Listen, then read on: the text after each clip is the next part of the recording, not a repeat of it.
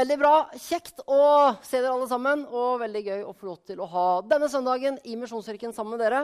Veldig, veldig kjekt. Mitt navn er Thomas Pedersen. Jobber som ungdoms- og studentpastor her i menigheten og har gleden av å tale i formiddag. Det er sånn at uh, I dag så innleder vi en ny prekenserie som vi har kalt 'Hvem vil vi være?' Og vi ønsker å knytte denne serien opp til våre fem verdier. Og det som vi har lyst til å utfordre deg på gjennom denne serien, det er hvilke verdier ønsker du skal prege ditt liv? Og hvilke verdier ønsker du, eller hvilke verdier ønsker vi skal prege vår menighet? Det er sånn at I Misjonskirken så har vi fem verdier. Og jeg tror det at disse verdiene det kan være gode byggesteiner for våre liv. Og våre verdier det er nåde, vekst, fellesskap, tjeneste og raushet. Og jeg tenker Ønsker du å bli preget av nåde eller krav? Ønsker du, bli, ønsker du å bli preget av vekst eller stabilitet, som kanskje hindrer vekst? Ønsker du å bli preget av fellesskap eller selvstendighet, hvor du bare har nok med deg og ditt? Ønsker du å være med og tjene andre, eller bare bli betjent? Ønsker du å vise raushet i forhold til mennesker i din hverdag? Eller velger du likegyldighet? Og Dette er tema som vi kommer til å se på gjennom denne serien. Men i dag så er altså tema nåde. Og Jeg skal begynne denne talen med å fortelle en historie om en student. Han var student ved MF i Oslo, og ved siden av å studere så arbeidet han på en bensinstasjon. Denne karen, vi kaller han Knut, hadde jobba på denne stasjonen i et par uker da det en dag kommer en skikkelig sveisen kar inn på stasjonen. Det var en skikkelig pappagutt på 50. Han kjørte strøken Mercedes. Han var flott kledd og full av selvtillit. 'Hallais', sier han til Knut på en eplekjekk måte idet han kommer inn. Før han fortsetter og sier, 'Gi meg den beste bilvasken du har', da. Og en Cola Light. Knut kunne fortelle det at et bedre vaskeprogram enn vaskeprogram nummer én det finnes ikke.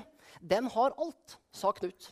Den har børstefri spyling, avfetting, underspyling og voksfinish.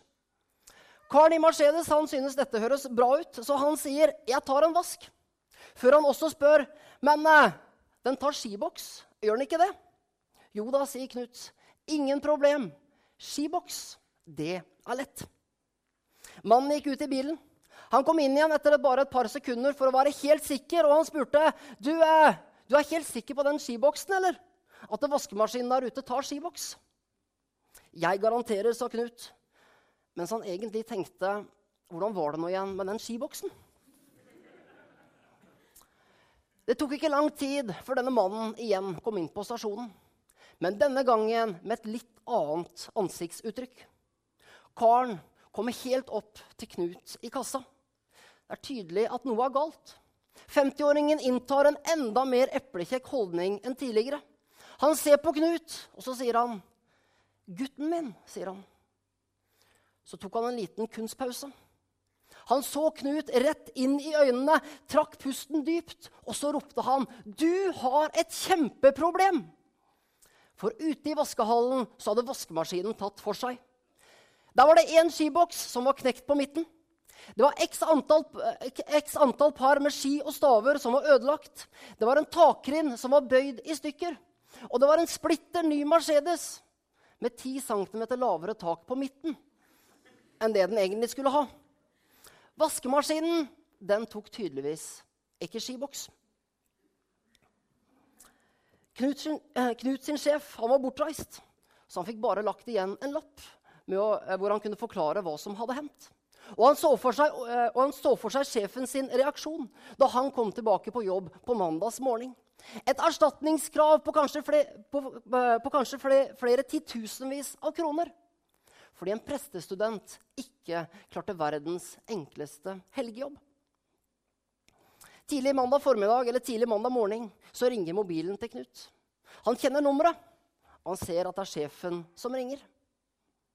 'Hei, det er Knut', sier Knut litt sånn småstressa. Mens han venter på en overhaling av en annen verden fra sjefen. 'Ja, det er sjefen', ler sjefen fram. 'Ja, ja, jeg kan forklare', begynte Knut. før han ble avbrutt, og sjefen han sier dette er sånn vi må regne med. Jeg har snakket med alle parter. Alt er tatt hånd om. Velkommen tilbake på jobb. Så glemmer vi dette. Så ser vi framover, sa sjefen. Jeg vet ikke hva du tenker om denne historien, men jeg tenker det at dette det handler litt om nåde. For her har vi en som virkelig har gjort en kjempefeil. Det er ikke tvil om det. Han, han ser for seg overhalingen som han kommer til å bli møtt med. Han ser for seg kravene som venter. Men istedenfor så sier sjefen alt er tatt hånd om. Alt er betalt. Vi glemmer dette. Vi ser framover. Vi går videre. Og jeg tenker det er nåde. Jeg vet for min egen del at jeg trenger nåde i mitt liv. For jeg feiler rett som det er. Tro det eller ei. Nei da. Jeg trenger nåde fra mennesker rundt meg. Jeg trenger en tabbekvote. Og jeg vet så altfor godt at jeg også trenger Guds nåde og Guds tilgivelse i forhold til hva jeg gjør galt mot ham.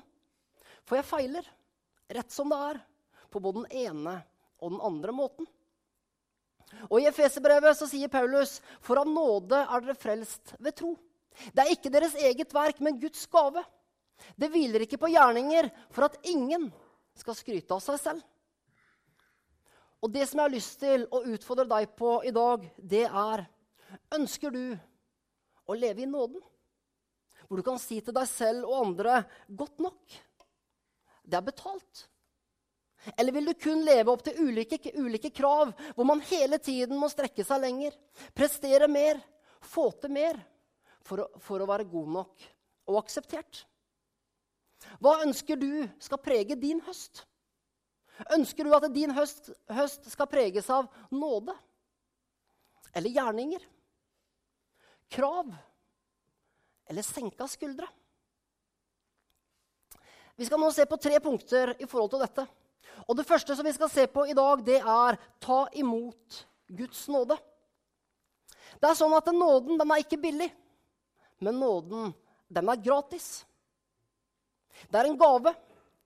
Det er noe som må tas imot, og som må aksepteres. Jeg vet ikke hva dere tenker, men jeg tror at eh, for oss mennesker så kan det mange ganger være vanskelig å ta imot noe som er gratis. For et par uker siden så var jeg ute med en av lederne for en annen menighet her i byen. Eh, vi skulle ut på kafé sammen. Jeg hadde invitert han ut på kaffe. Og når vi kommer på kaffebaren rett nede i sentrum her, så sier han, 'Hva vil du ha?' sier han. 'Jeg spanderer'. Dette var første gangen som vi var ute sammen. Jeg hadde invitert meg ut, så jeg sa det at i utgangspunktet sa jeg, så er det vel jeg som bør spandere. Ikke tenk på det, du, sa han. Jeg betaler. Husk at det er en kunst å ta imot også. Så jeg takket høflig, bestilte en smoothie, og jeg var veldig takknemlig.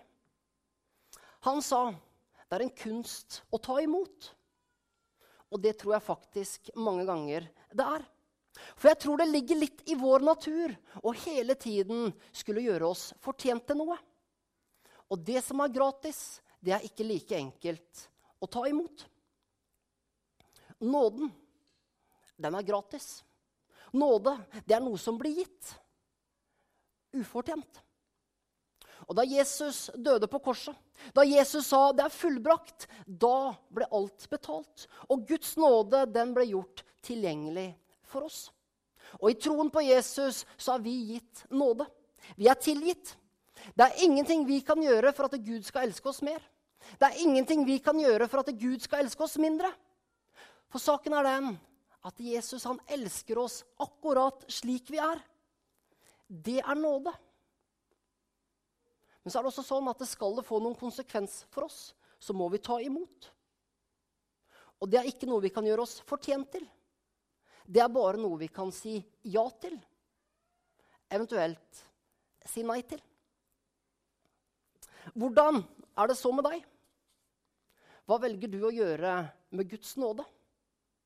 Velger du å leve etter ulike krav, plikter, gjerninger og ting du skal prestere? Eller velger du å si ja til det som Gud ønsker å gi deg ufortjent? Og ved å si ja til å ta imot av Guds nåde, så sier du ja til Jesus. Og gjennom det så blir du frelst. Du er garantert et evig liv. Og jeg tenker det er en gave å si ja til.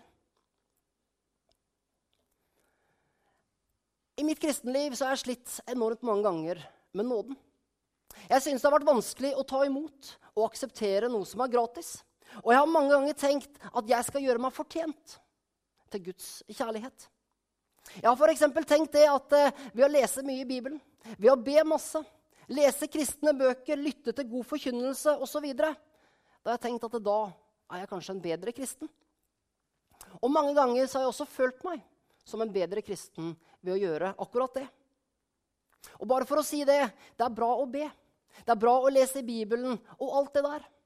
Men sannheten er at man blir ikke mer kristen av å gjøre det. Fordi et liv med Jesus det avhenger ene og alene av Guds nåde. Samtidig så tenker jeg det at når jeg får erfare og ta imot Guds nåde, da er det godt både å be, lese i Bibelen og høre god forkynnelse. Men da er det ikke noe jeg må, men da er det heller noe jeg vil. Det er en som har sagt det at uh, man blir ikke hest ved å flytte inn i en stall. Man blir heller ikke bil ved å gå rundt med et panser på magen. Og man blir ikke en kristen av å gå i kirka. Skal man være hest, så må man være født som det. Skal man være en bil, så må man være skrudd sammen som det. Og skal man leve som en kristen, så må man ta imot av Guds nåde og akseptere at det som Jesus har gjort, det alene er nok. Jeg ønsker å ta imot av Guds nåde hver dag.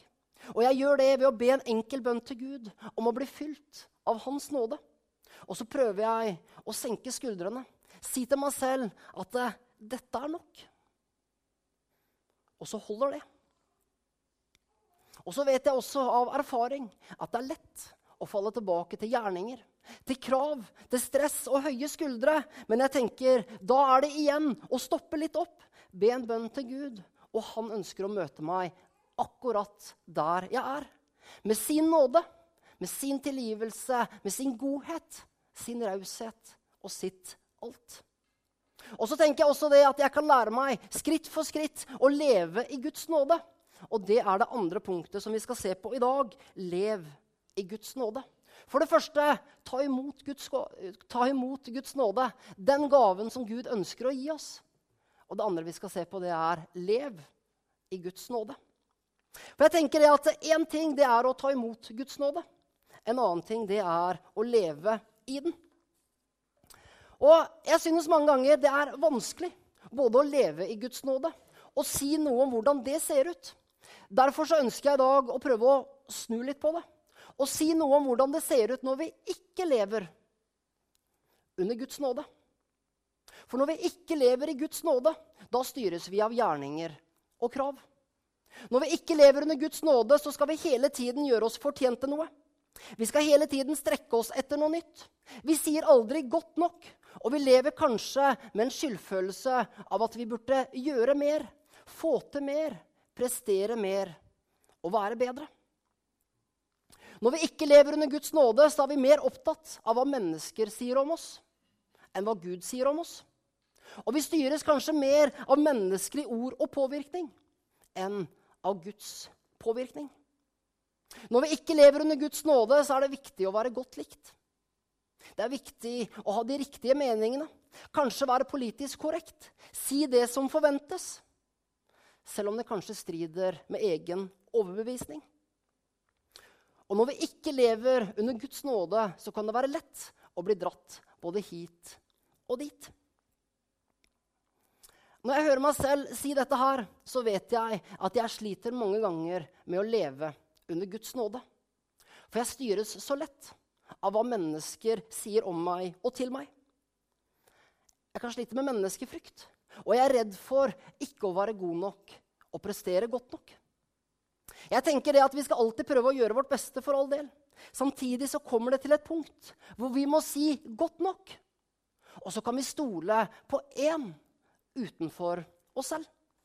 I 2. Korinterbrev 12,9 så skriver Paulus, men han svarte. Altså Jesus svarte, og Jesus han sier, 'Min nåde er nok for deg, for kraften fullendes i svakhet'. Og kanskje er det sånn at Paulus hadde det på samme måte som oss. Jeg vet ikke. Men kanskje kjente han seg også svak. Kanskje slet han med menneskefrykt og sammenligning. Og da sier Jesus til ham, 'Min nåde er nok for deg.' Der du ikke strekker til, der strekker jeg til. Når du opplever at du ikke takler det mer, så takler jeg resten. Jesus han sier til oss alle sammen, 'Min nåde er nok for deg.' Der vi opplever i våre hverdager at vi kanskje kommer til kort, ja, så kan vi stole på én utenfor oss selv. Vi kan stole på at Jesus han er der, og han tar imot oss med sin kjærlighet og nåde. Der du ikke strekker til, der strekker jeg til. Og jeg tenker, klarer vi å leve slik? Der jeg ikke strekker til, der strekker Gud til. Klarer vi å leve slik, ja, da lever vi kanskje også under nåden. Forskjellen mellom andre religioner og kristen tro det er at i andre religioner så prøver mennesker å komme opp til Gud. De vil gjøre seg fortjent til Guds anerkjennelse gjennom ulike gjerninger og krav. Og det er religion.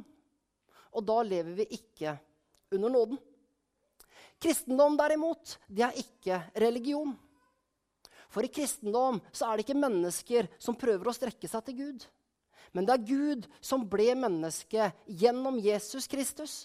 Og det er Jesus som møter oss akkurat der vi er. Og Jesus han møter oss i våre hverdager. Han møter oss med våre feil, med våre mangler, i vårt stress og i all vår travelhet. Der er Jesus sammen med oss hver eneste dag. Uansett situasjon og omstendighet. Og det er bare ved nåde. Jeg lengter etter, for min egen del, denne høsten å leve mer i Guds nåde. Jeg ønsker å senke skuldrene. Jeg har lyst til å legge bort menneskefrykt og prestasjonsjag. Og så vil jeg vite det at jeg er bra nok som jeg er. At det holder, og at det er nok. Bjørn Eidsvåg han synger en av sine sanger 'Du viste meg nåde istedenfor krav'. Da fant jeg tilbake til meg selv. Nåden det er en forvandlingskraft som setter oss i frihet. Hvor vi kan finne tilbake til vårt rette jeg og bli og være alt det som Gud har skapt oss til. Og jeg tenker da lever vi under nåden. Og så til slutt. Det siste punktet som vi skal se på i dag, det handler om å formidle Guds nåde. For det første, ta imot Guds nåde. For det andre, lev i Guds nåde. Og så til slutt, formidle Guds nåde. Og Under dette punktet så har jeg lyst til å komme med en sterk utfordring til oss som kaller oss kristne, og som gjerne er en del av en menighet. For jeg tenker, hva formidler vi? Legger vi til rette for en 'kom som du er'-kultur? Eller ønsker vi det at folk først skal bli som oss, før de kan tilhøre oss? Jeg tror nok det at eh, Jeg håper i hvert fall det. At vi vil ønske alle mennesker velkommen til vår menighet. Og jeg tror at vi er over det stadiet hvor damene måtte ha skjørt og mannfolka gå i dress for å komme i kirka. Jeg håper i hvert fall det. Men spørsmålet som jeg ønsker å stille oss videre, det er har vi plass til mennesker i våre liv som kanskje er annerledes enn oss selv? Åpner vi opp for? Har vi rom for mennesker som kanskje ikke har alt på plass? Eller tenker vi da at de først må bli som oss før de kan tilhøre oss? Hvordan formidler du og jeg nåde til andre mennesker? Hvordan forteller vi mennesker at de er elsket? Hvordan forteller vi mennesker at de er gode nok? At de er flotte? At det de har, det er bra?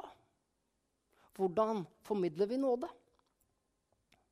Truls Åkerlund, forfatter av boken 'Gud i kirkeasyl', han sier det at evangeliet det er ikke et lovverk som skal holdes, men en relasjon som skal leves. Evangeliet det handler ikke om et lovverk, men det handler om en relasjon. Og det handler om en relasjon til Jesus. Og det er den nåden som vi har fått. Og så handler det om en relasjon til andre mennesker i våre hverdager. Og det er nåde som vi skal gi videre. I Lukas kapittel 15 så forteller Lukas historien om den yngste broren som kommer til pappaen sin og spør om å få den delen av arven som tilhørte han. Det han egentlig sier til pappaen sin, det er 'Jeg skulle ønske du var død, så jeg fikk alle pengene dine'. Faren ga ham pengene.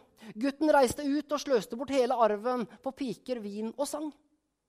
Men det tok ikke lang tid før drikkeviser på puben ble bytta ut med grisegrynting i grisebingen. Og så står det da kom han til seg selv. Og han erkjente det at selv tjenerne hjemme på gården til pappaen de hadde det bedre. Så han begynte på den lange veien hjem, og han forberedte en forsvarstale. Og han tenkte, 'Jeg kan være som en av tjenerne dine.' tenkte han. 'Jeg kan jobbe for deg. Jeg kan bo ute. Jeg trenger nesten ingenting.' En forsvarstale av gjerninger som han skulle gjøre, for igjen å kunne fortjene en plass hjemme. Men så leser vi da sønnen enda var langt borte, så løp pappaen ham i møte. Kastet seg rundt halsen på ham, ga han en klem og kysset ham. Pappaen ville ikke høre sønnens forsvarstale. Pappaen han stelte i stand fest. Den beste festen. Sønnen ble anerkjent som sønn igjen, og han fikk hederspass. Og jeg tenker det er bare ved nåde. Og pappaen i denne historien han formidler nåde på en fantastisk måte. Og jeg tenker det er en nåde som har vært å ta imot. Det er en nåde som har vært å leve i og det er en nåde som har vært å formidle videre. Og jeg håper at denne nåde den kan prege både våre liv og vår menighet. Skal vi be sammen? Himmelske Far, jeg takker deg, Herre, for din nåde. Og jeg takker deg, Herre, for at du møter oss akkurat der hvor vi er. Hver eneste dag og akkurat nå. Takk, Jesus, for at du kom. Takk, Jesus, Og takk, Herre, for at du møter oss. Takk for din nåde, Herre. Og Jesus, du ser oss alle sammen, Herre. Du ser våre liv, du ser våre hverdager. Du ser kanskje krav som vi sliter med, du ser gjerninger som vi sliter med, du ser kanskje ting som vi skal gjøre oss fortjent til, osv. Kanskje menneskefrykt, angst. Jesus, jeg takker deg for at du ønsker å møte oss midt i alt dette. Og du ønsker å si til oss at min nåde er nok for deg. For kraften fullendes i svakhet. Og takk, Herre, for at der vi er svake, der er du sterk. Takk for det, Herre. Og Jesus ønsker bare å be for oss alle sammen at vi nå bare kan få lov til å ta imot av din nåde. At vi kan vite at det er nok. Og så ber jeg her at du skal gi oss kraft til å leve under din nåde hver eneste dag. Og at vi også kan være med og formidle din nåde til andre mennesker. Kom, Herre.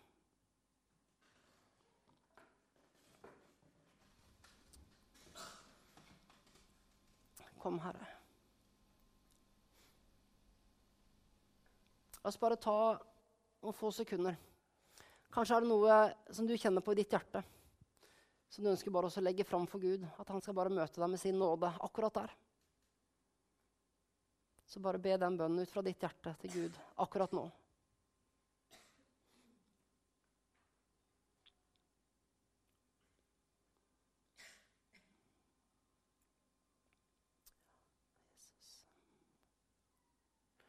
Takk, Herre, for at du hører alle våre bønner, og du møter oss akkurat der hvor vi er. Amen.